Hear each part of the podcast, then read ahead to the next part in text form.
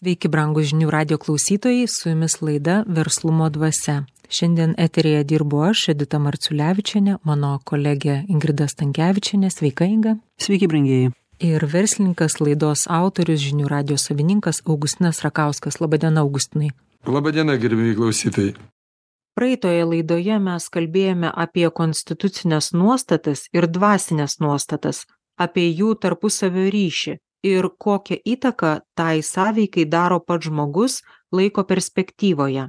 Šiandien laidą pradėsime ištrauką iš praėjusios laidos ir tai bus kertinė mintis mūsų šios dienos temai. Prašau, Erikai. Visuomenė negali palikti savieigai šitų keturių faktorių - išminties, teisingumo, tikėjimo ir meilės. Nes jeigu jinai palieka savieigai, tada tuščios vietos pasaulyje nebūna. Tada žmonių išmintį, teisingumo savoką, tikėjimo faktorių, meilės būseną formuoja visi, kas netingi, visi, kas neturi ką veikti.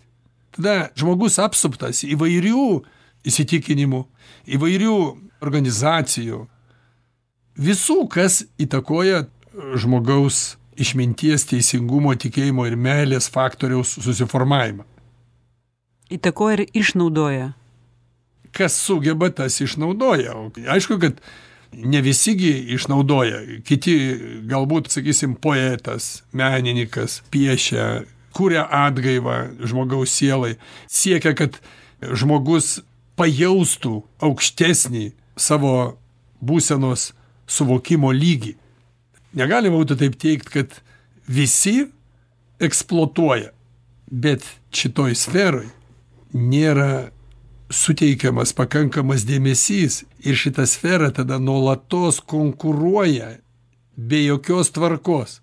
Tada nuolatos konkuruoja kūniški malonumai, vartotojiškumas, narkotikai, visokios agresyvios kino juostos. Viskas iš ko žmonės kūrė savo gerovę ir tą žmogaus sąmonę paverčia žaliavą užsidirbti pinigus. Tas žmogus paliktas likimo valiai, jis blaškosi, tai vienais tiki, tai kitais tiki, tai vieni juos nuvilia, tai kiti nuvilia. Aš manau, kad jeigu būtų atkreipiamas didesnis dėmesys į žmogaus išminties, teisingumo, tikėjimo ir meilės faktorių ugdymus, jeigu daugiau būtų dalyvaujama akademinės visuomenės žmonių, visuomenę valdančių žmonių institucijų, visuomeninių institucijų, kad jie visi suvoktų, kad visi gyvenimo sferose vykstantis procesai yra dualūs.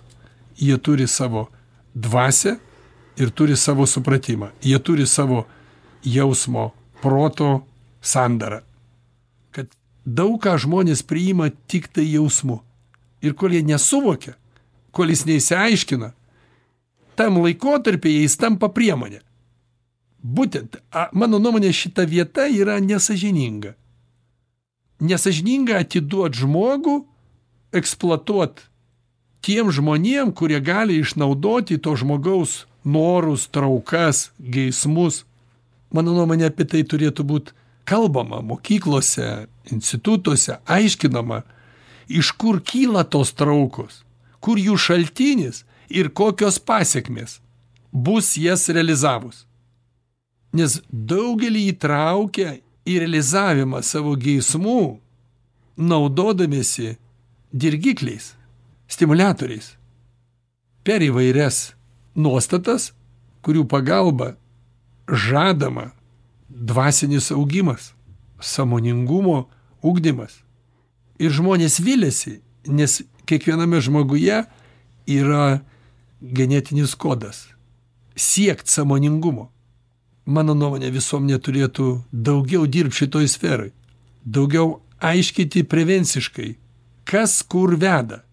Neteisinga būtų skirstyti ir reguliuoti, kokios dvasinės nuostatos žmogaus būsenai yra reikalingos, kokios nereikalingos, kokias reikia priimti, kokias reikia atmesti.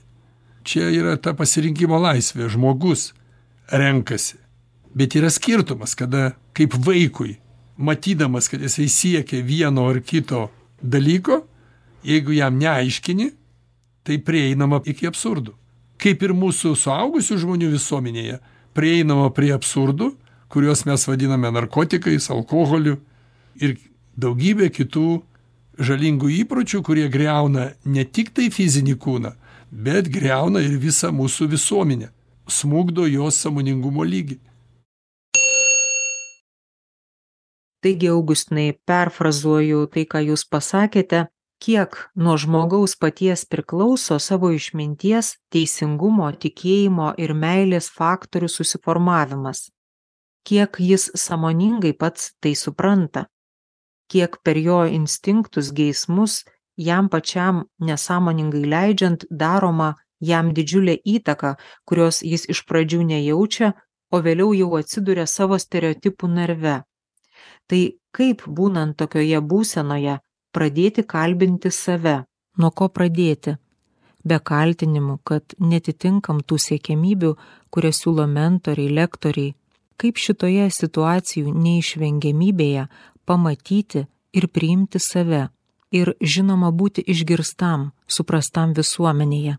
Kai kiekvienas siekia to paties būti išgirstas pajaustas suprastas. Mūsų intencija yra kiek galima daugiau visuomenėje paskleisti teigiamus e, dvasios teigiamo faktorių išryškit, kad jis būtų tikrai duodantis pridėtinę vertę kad mes žinotume, kad mes darom gerą darbą ir stengiuosi. Gali ir būti priešingai. Tas pats procesas gali daryti ir blogą darbą. Ir principas dėsnis veikia lygiai taip pat. Tai nuo ko priklauso čia to dėsnio veikimas? Šitos dėsnius valdo mūsų energetika, mūsų energijos gale.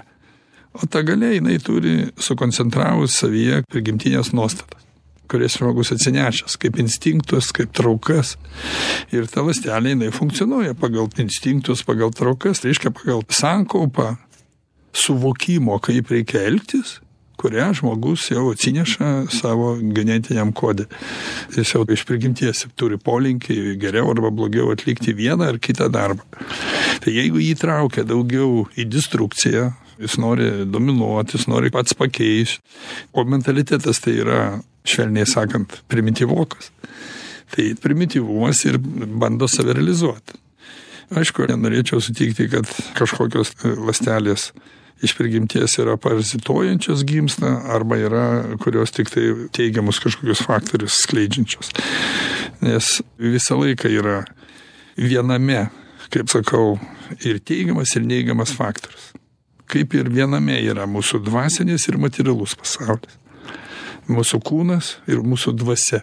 Tai Augustinai, koks yra to kalbinimo savęs pirmas žingsnis? Turiu praeiti per savo žemas vibracijas. Turiu praeiti kaip pro filtrą, pranešti.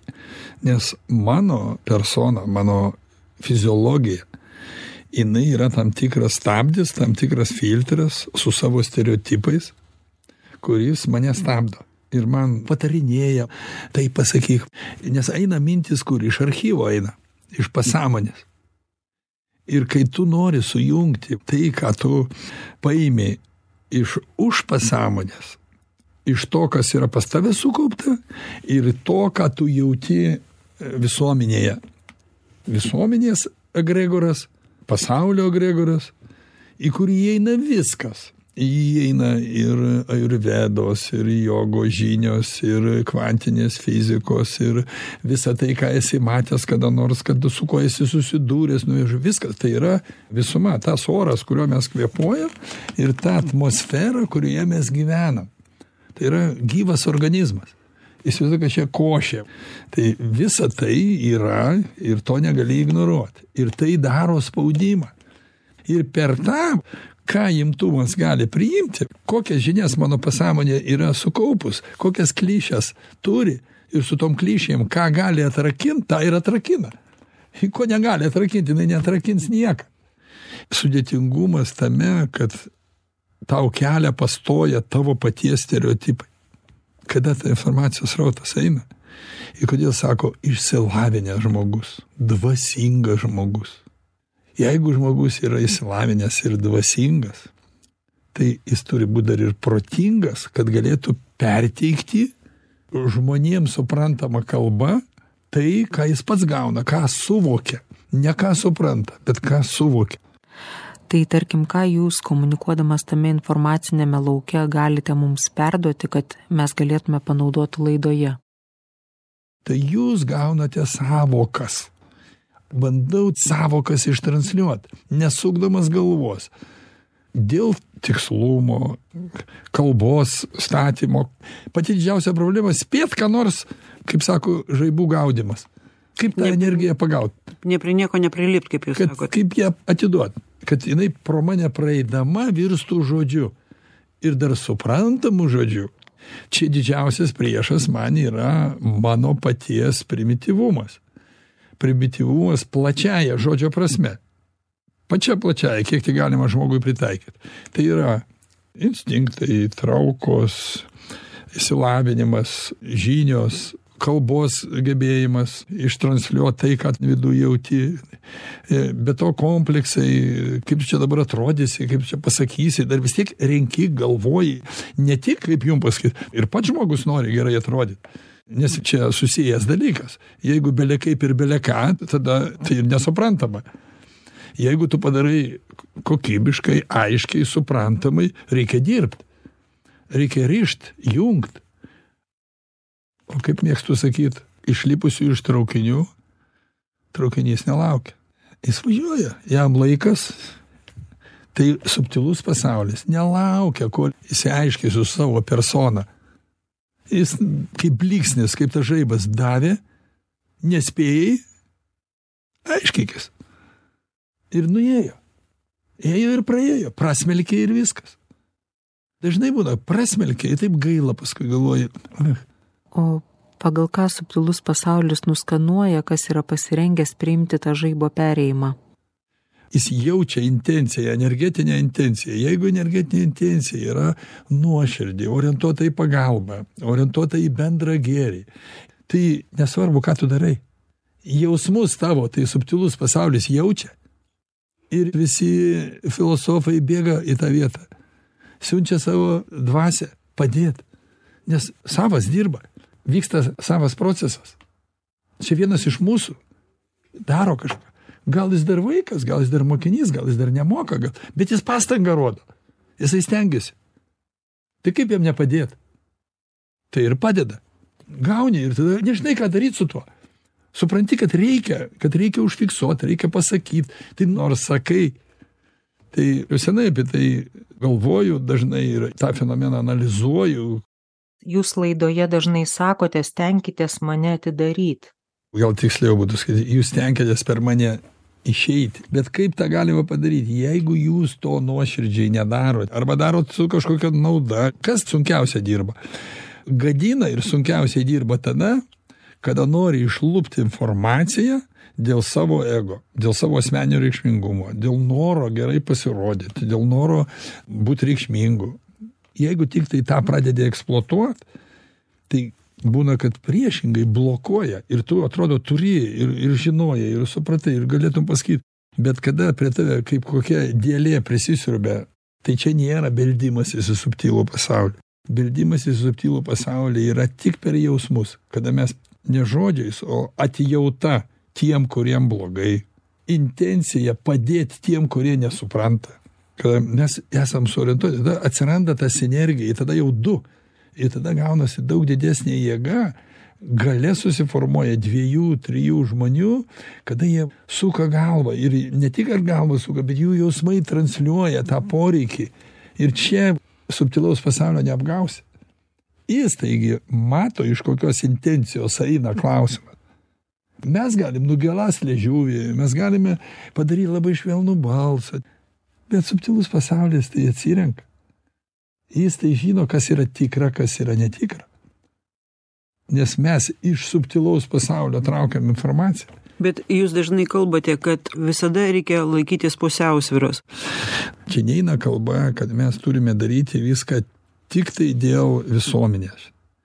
Kalbu apie subalansavimą. Tai mes turime stengtis savo požiūrį į tą visuomenę ir tą pagalbą taip subalansuot, kad tai visuomenė jaustų ne tiek kalbą, kiek jaustų intenciją. Ir kada mes jai perdodam dvasę, tai jinai tada pradeda priimti visai kitam lygiai, neprotiniam lygiai. Mes visi čia mokomės išmokti kalbėti tiesiai žmonių jausmus, kad jų čakros atsidarytų širdies jausmų, kad būtų tai, ką rodo, kad čia sklinda Dievo kalba. Širdies čakros yra centras, kuris surištas su visais kūno e, organais ir su visom kraujagyslėm ir su visu. Ir čia tas jautimas yra. Ir žmogus, kaip sako, jeigu širdim jaučia, anksčiau tai atrodydavo, kad čia tas žodis širdim jaučia, tai čia kažkas tai tokio perkeltinė prasme. O mokslas įrodė, kad neperkeltinė prasme, kad daugiausia žmogus jaučia būtent šito širdies organų ir kad jis siunčia impulsus, jis priima informaciją, priverčia protą dirbti. Tai šitas subalansavimas savo vidaus su savo jausmu ir protu, jis mums suponuoja pasirinkimą, ką mes pasirenkam, kaip mes pasirinkame elgtis. Šitam kontekste ką reiškia mes pasirenkam? Ir kiek mes galime save aukot dėl visuomenės, dėl tų žmonių, dėl tų klausytojų arba dėl kažkokio pašnekovo. Nes visur vyksta tas dualumas. Jeigu mes su tavim šnekam, vyksta dviejų žmonių kalba ir jie turi dėti pastangas, kad subalansuotų tarpusavio energetiką, kad ta intencija taptų tokia, kuri duotų didžiausią pridėtinę vertę visuomeniai. Tai mums reikia tarpusavį, plus viduje kiekvienam su savimi reikia susibalansuot, dirbt ir tą, ką gauni kaip informaciją, kurią mes verčiam žodžiais. Mums reikia turėti omeny, kaip ten tas žmogus, kaip jis traktuos tai, ką mes sakom. Tai pagalvokit, keliose plotmėse reikia dirbti vienu metu. Todėl taip ir gaunasi. Na gerai, štai jūs kalbat, kokiais kriterijais vadovaujantis reikėtų daryti laidas, kaip kalbėti, išlaikant balansą ir kaip gaunama per balansą sukaupta ta energija, kaip ją panaudoti pokalbio metu. O štai jūs pats, uh, iš vienos pusės jūs esate verslininkas, labai rimtai verslaujantis, turintis daugybę projektų, įsipareigojimų, atsakomybių. Iš kitos pusės jūs, nu, ne, nepasakysi, kad jūs rašytojas, bet jūs esate kaip uh, Lietuvos savo krašto, savo tautos pilietis, bandantis užfiksuoti gyvenimo mokykloje, stebėdamas, išgyvendamas, matydamas įvairiausius reiškinius, jūs bandote pateikti juos kiek galima labiau edukaciniu pagrindu. Kaip jums pavyksta pasiekti šitą balansą? Kadangi esu toksai maksimalistas ir kraštutinumų mėgėjas. Prieš savo malę čia gal, nežinau, taip, gal toks įsivystimo lygis, gal toks godumas viską gerai padaryti. Ir, ir už tai gaunasi taip, kad visą laiką va tokioje dilemoje gyvenu ir galvoju, reikia visą laiką, visą dėmesį skirti tik tai šitam edukaciniam darbui. Reikia nuo ryto iki vakaro daryt laidas analizuot knygos medžiagą sėdėt kalbėt ne kabinete spręsti reikalus nes čia yra svarbiau čia nuo to priklauso prasmė viso to darbo kurį ten dirbi.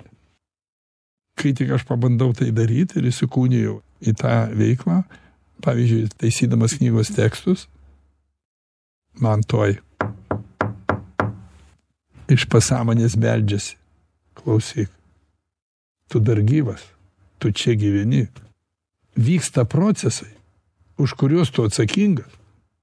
Tu juos pradėjai, sukėlėjai lūkesčių, sukėlėjai vilties. Kodėl dezertiruoji? Tai tengi problemos. Bet gal tokiame konflikte, tokiame intensyvume jūs ir galite pajausti naujus virpesius, per kuriuos pajaučiate suvokiate tam tikrą informaciją kurią paskiau ne kaip teoriją jau galite praktiškai įdieginėti ir panaudoti realiam gyvenime. Tai kodėl ir sako kad kiekvienam duota tiek kiek jisai gali paimt bet jeigu duoda tai visada norisi paimt bet mes godūs. Mes visi norim paimt kuo daugiau. Ir kada mes pradedam imt kuo daugiau atsidūrę tokiam pokalby tai pradedam springt. O kadangi spragų daug mūsų gyvenime tai į tas spragas ir taiko. Čia blogai čia blogai čia blogai. O reikia kalbant surišt visa tai. Parodyt kad tai yra ne mūsų vieno problema kažkurio tai. Ne vienos visuomenės yra. Jeigu įmonė kalbam apie įmonę tai yra įmonės problema o įmonė tai yra visi žmonės. Tai yra politika šalies tai yra įstatymai tai yra daugybė dedamųjų. Ir jeigu mes kalbam apie šalį apie jos politiką vedamą ar socialinę ar politinę ar kažkokią kitokią ar karinę tai ten vėl atsiveria kiti klodai ir tuos klodus visus reikia tyrinėt analizuot reikia surast jų susiformavimo priežastį reikia atspėt jų panaudojimo galimybes naudą ir suintegruot su gyvenimu. Kaip ir materialiam pasauly padarius gręžinį tą medžiagą tyrinėja taip ir čia gavus tą informaciją reikia tyrinėt reikia daryt jungimus ir ir galvot. Tai čia tiktų tas belskis ir bus atidaryta taip? Kad tu belstumeis tai kad būtų atidaryta tai reikalauja kad būtų pastanga. Nes jeigu nėra pastangos o yra tiktai noras tai mes neprisijungiam paprastai. Mes turim sugeneruot savyje tą pastangą. Ir kuo pastanga yra nuoširdesnė kuo jinai yra tolerantiškesnė kuo jinai yra labiau orientuota į kitus arba į bendrą reikalą tai tuo geresnį rezultatą mes gaunam. Ir daug kartų taip bandai dirbtinai ir nieko. O kitą kartą nieko nebandai. Tiesiog plūduriuoji tam pasąmoniniam lygmeny. Galima sakyt vaikštai ir dulkes šluostai nuo knygų savo pasąmonėj ir vat būna kad kažką vat brūkštelni per tą informacinį lauką. Kažkas tai atsigamina kažką sinergizuoji su dabartine situacija o parašyta knyga ta informacija sudėta pasąmonėje jinai jau praeitis. Ir žiūri kad pasipildo tai kas yra dabar gyvenime ir tai kad turi nors specialiai to klausimo nekėlei. Bet kadangi meditavai svajojai leidai laisvai plaukti informacijai ir žiūri kad tu už kažkokios tai informacijos užkliūni pradedi giliau ją analizuot ir todėl reikalingos todėl ir sako kad reikia būt gamtoj reikia būt ramybėj tam šurmuly labai sudėtinga. O aš vis dar donkichotas kuris bando medituot triukšme. Galvoju kad žmogus turėtų išmokt ir triukšme medituot. Ir skaitinėdamas dabar truputį apie kvantinę fiziką atkreipiau dėmesį kad ten būtent ir paliečia tokias vietas kad sako medituot jūs galit visur galit medituot ir troleibuse ir traukiny ir ir gatvėj ir žmonių minioj. Ir supratau kodėl kada triukšmas tai aš priešingai kaip gindamasis nuo to triukšmo aš nugrimztu nugrimztu į save. Ir tada gauni kažkokios tai įžvalgos kažkokių tai informacijų. Ar žmogus gali būt nuolat jaučiantis jeigu visą laiką esi jausmo būsenoje ir visą laiką tas jausmas naudoja protą kaip įrankį gebėjimą analizuot gebėjimą mąstyt gebėjimą jungt gebėjimą gaut iš to proceso gaut kažko naujo kažką geresnio tai tada tiktai ir mes vadiname žmogumi tai tada galima sakyt kad tai yra žmogus. Jis girdi galvoja analizuoja jaučia. Ir todėl kad jaučia ir galvoja ir todėl kad girdi ir mato jis keičiasi. Ir jeigu jis praranda šitą funkciją jis praranda statusą kaip žmogus jis tada tampa kažkuom tai tokiu nekintančiu tai mes jau tada ieškom prie ko jį priskirt. Ieškom klišės į kurią jį sutalpint. Kaip rašau savo knygoj žmogus tai save tobulinantis sutvėrimas. Pats save nuolatos tobulina jis nuolatos keičia jis nuolatos ieško geresnės išeities. Ir iš čia išplaukia tie mūsų kertiniai keturi faktoriai kurie yra mum pamatas evoliucionuot ir keistis. Tai yra tas nuolatinė paieška išminties teisingumo tikėjimas ir meilė. Šitie keturi faktoriai jie ir padaro mumis žmonėmis kurie nuolatos keičiasi gerbiami klausytojai dabar pertrauka ir laukiame jūsų antroje verslumo dvasios laidos dalyje Gerbiami žinių radio klausytojai, grįžtame į laidą Verslumo dvasia, antroji dalis. Priminsiu, kad kalbamės su žinių radio savininku, verslininku Augustinu Rakausku. Ir pirmojoje dalyje kalbėjome apie tai, kad žmogus turi dievišką galimybę subalansuoti save ir siekti pusiausviros. Ir tai jam suteikia visas kūrybingumo koordinates, kai jis yra informacinėme sraute, kai jį veikia subtilaus pasaulio virpesiai o prarasdamas pusiausvyrą jis praranda sąmoningą ryšį su savo dvasinėm ir mentalinėm struktūrom ir tada tampa savo paties ir aplinkinių stereotipų narve įkalinta auka. Prašau inga. Kaip atsitinka kad jeigu jausmai mintys laksto šviesos greičiu mes galime tai paversti žodžiais daug lėčiau ir net to jausmo protu tos pusiausvyros pasiekt negalime tas didžiulis noras išreikšti tai ką tuo metu mes jaučiame tos galimybės jos stabdo tą procesą arba tu turi pasiduot tam srautui. Čia reiktų kaip atsakymą pateikt tuos teiginius kuriuos mokslas bando įrodyt nežinau kiek jam pavyksta tai įrodyt ir kiek tai yra tiesa. Bet yra tokie teiginiai kad mes esam dabar išsivystymo stadijoj kaip keturių metukų vaikas maždaug tai kodėl sako kad mūsų smegenų dalis užimta labai maža? Kodėl kristus savo mokymuose sakė jeigu jūs žinotumėte kas jūs esate jeigu jūs žinotumėte ką jūs galite jūs medžius su šaknim rautumėt jūs kalnus stumdytumėt. Čia yra atsakymas į tai ir čia papildant dar šitą patvirtinant tai dar labai tiktų kad greičiai subtiliam pasauly yra visiškai kiti.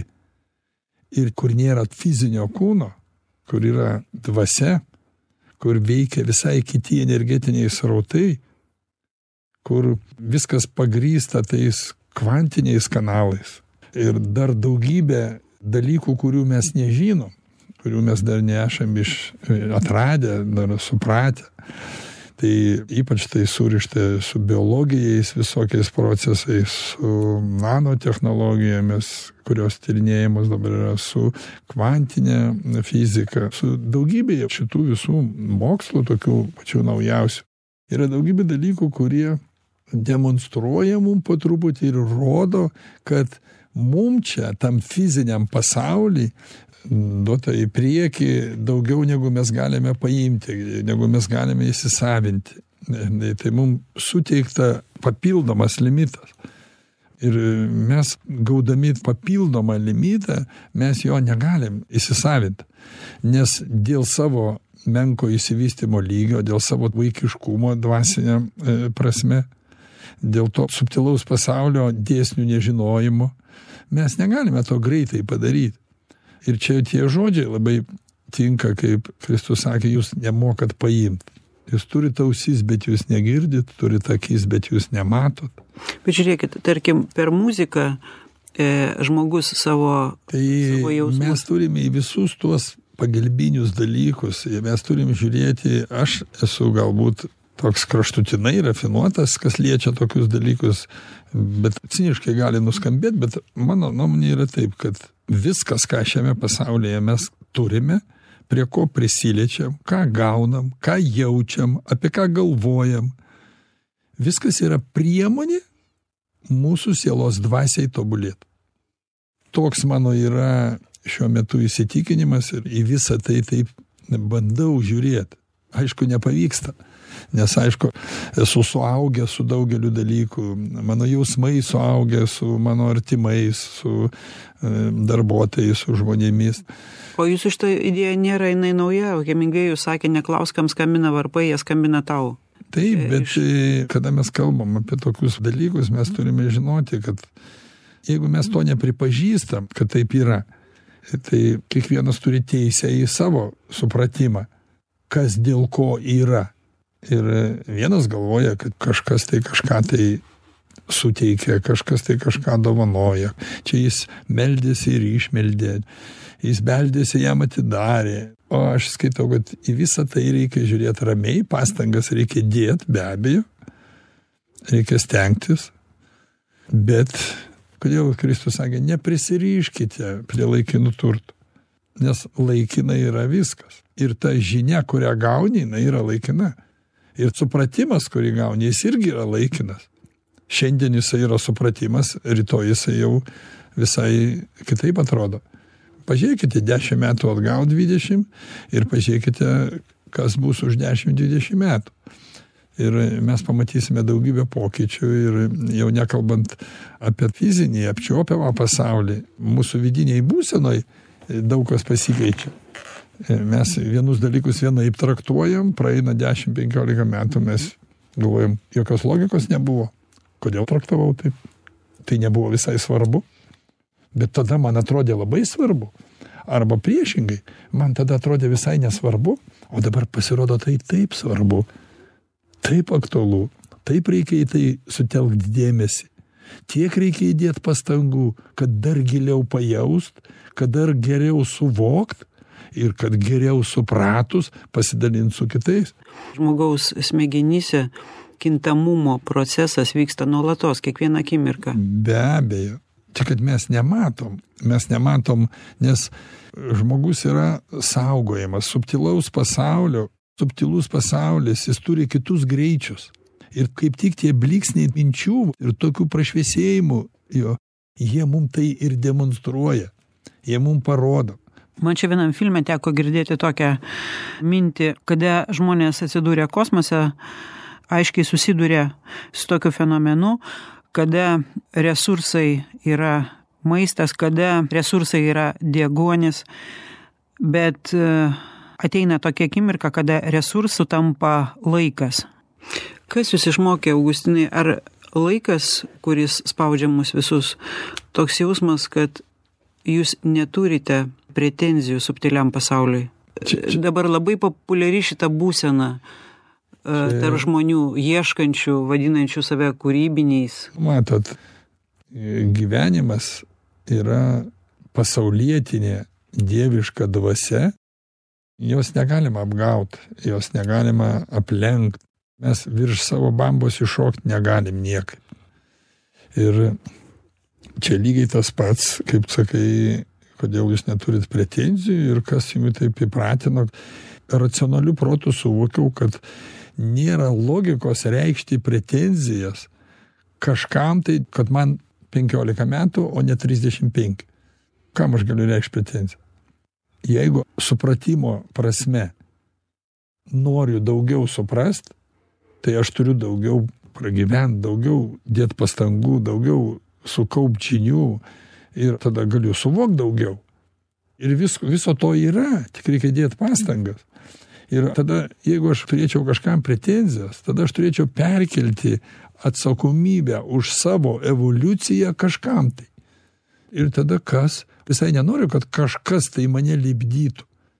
Nuolatos stengiuosi kad aš dalyvaučiau tam lipdyme ką visuomenė konstruoja ką jinai daro kokias jinai tvarkas kuria kaip jinai bando mane kaip tarakoną įdėti į vėžę ir sakyt o čia turi bėgiot čia turi vaikščiot tai mane tas ir būtent motyvuoja aš tame ir matau gyvenimo prasmę tada suprantu kad aš renkuosi aš dalyvauju. Bet jeigu tik tai pretenzijas išstatinėju, tai pretenzijas galiu įstatyti žmonėm, kurie matau, kad padarė poveikį mano fiziologijai, padarė poveikį mano emocijai, kuri man padarė kažkokį nuostolį. Man sukėlė vidinį skausmą ir su juo turėjau gyventi kažkiek laiko. Tai suprantu, kad pergyvenimas, skausmas, kurį aš gavau, jis yra verti. Suprantu. Bet nuo to nesumažėja apmaudas ir turi dirbti su savim, kad nesugeneruotum pykčio ant to žmogaus. Tik fiziniam pasaulyje tas vyksta, tai ką čia kalbėti apie subtilų pasaulį?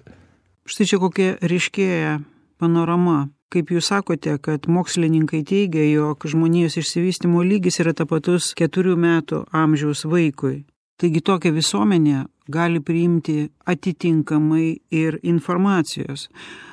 Tada jinai atitinkamai ir turi tokį samoningumo lygį. Kiek ir kaip galima tokiai visuomeniai iškelti pretenzijas, jei pagal tų pretenzijų kokybę ta visuomenė neturi nei tokio supratimo, nei suvokimo, nei kas svarbiausia žinojimo ir dorovinio pagrindo, to dvasinio pagrindo. Tai kada visuomenė išgyvena įvairiausius kataklizmus, kas tada yra tos spragos? Yra perteklinio egoizmo kūrybos vaisiai yra. Nes, kaip mes žinom, egoizmas turi būti, žmogus turi norėt ir jis turi rūpintis ir siekt, e, nes kitaip evoliucija sustotų. Bet kada yra iškreipta pusiausvyrą ir kada visuomenė yra eksploatuojama ir naudojama kaip priemonė tiem vien tik tai merkantiliniam tikslam pasiekt, tai tada jinai ta visuomenė vystosi kaip mašina važiuodama su užtrauktu rankiniu stabdžiu. Kaladėlė svyla, dūmai rūksta, o mašina nevažiuoja, nes rankinės užtraukta. Bet jūsgi pats teigiate, kad viskas yra dėsninga. Kad teigiu, kad yra dėsninga. Juk jūs vieną dalyką užmirštat, kad visada žmogus turi galimybę rinktis ir jis renkasi. Visada. Mes apie tai esame nekartą kalbėję. Taip. Bet kokioje situacijoje visada yra dvi galimybės. Paimkim pavyzdį jūs. Iš vienos pusės jūs uh, turite verslo viziją, iš kitos pusės jūs turite verslumo dvasios platformą. Ir vadovaudamasis keturiais faktoriais - išmintimi, teisingumu, tikėjimu ir meilė, jūs žiūrite, kaip savaikaujant su visuomenė vyksta tie procesai pagal ką jūs nuskaitot, kad tai, ko jūs siekiat, vyksta arba jau įvyko? Viliuosi, kad yra taip, kaip tu sakai, kad kažkas girdi, kažkas padaro išvadas, kažkas panaudoja tą informaciją arba tą, ką girdi. Bet e, kaip yra iš tikrųjų, tai sunku mums čia spręsti bet viskas prasideda nuo tos mažos kibirkštėlės. Didžiausias laužas susidega nuo nuo mažo degtuko. Bet mes už tai ir turime. Ir aš skaitau kad kas gali ir kas skaito kad kažką turi tokio perteklinio ką gali su kuo gali pasidalinti tai skaitau kad nuodėmė yra laikyt e, savyje. Taigi kaip sako blogis nesnaudžia būkit budrūs tai mes turim visą laiką tą pasirinkimo galimybę. Ar mes pritariam ir palaikom tai kas vyksta ar mes su tuo kovojam ir mes keliam tuos e, klausimus kodėl taip vyksta ir nurodinėjam tas vietas kuriose matom kad vyksta kažkas ne taip.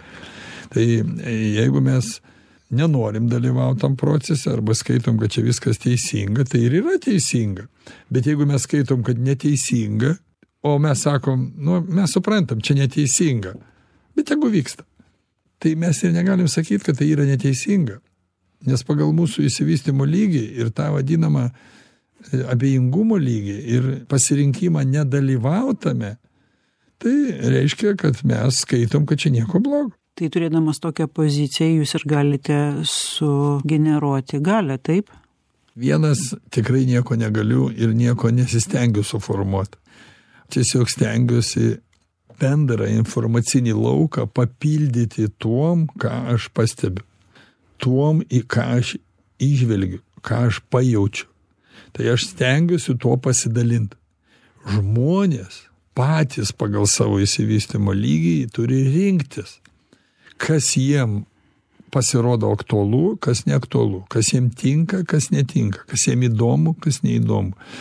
Ir niekad nededu pastangų neturiu tikslų sukelt kažkokį nepasitenkinimą arba kažkokią revoliuciją arba forsuotą evoliuciją. Neturiu tokių tikslų. Tik žinau viena kad jeigu jauti kad kažką reik pasakyt ir tau kyla noras pasakyt tai aš dėkingas likimui kad gyvenu tokiu laikotarpiu kada galiu pasakyt. Ir aš tą darau. Tai įskaitant visa tai apie ką mes šiandien kalbam ką reiškia būti žmogumi ingrida kiekvienas žmogaus savyje turi tiek kiek jis yra iševoliucionavęs tiek kiek jisai jo turi. Nei daugiau nei mažiau. Kiekvienas iš mūsų žinome tiek kiek žinome.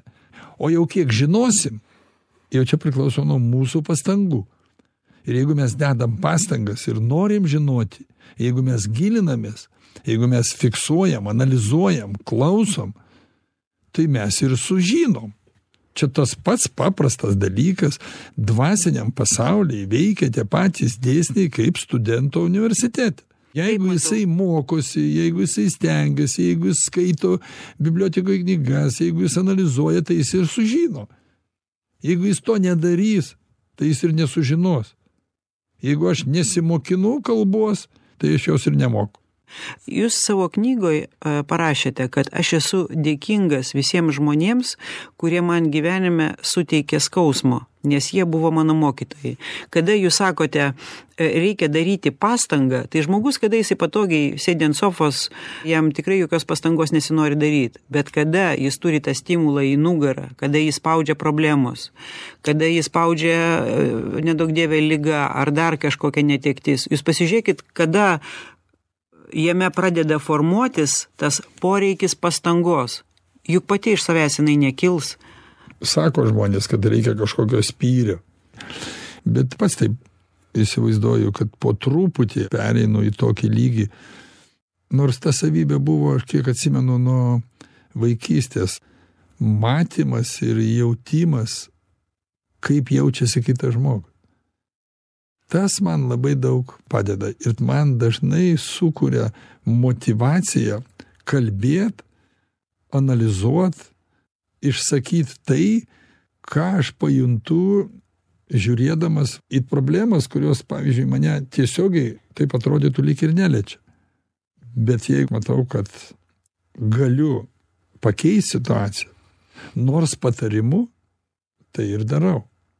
Ir skaitau kad kiekvieno normalaus žmogaus tai yra pareiga jeigu jis jaučia kad gali padėt ir turi kažką daryt.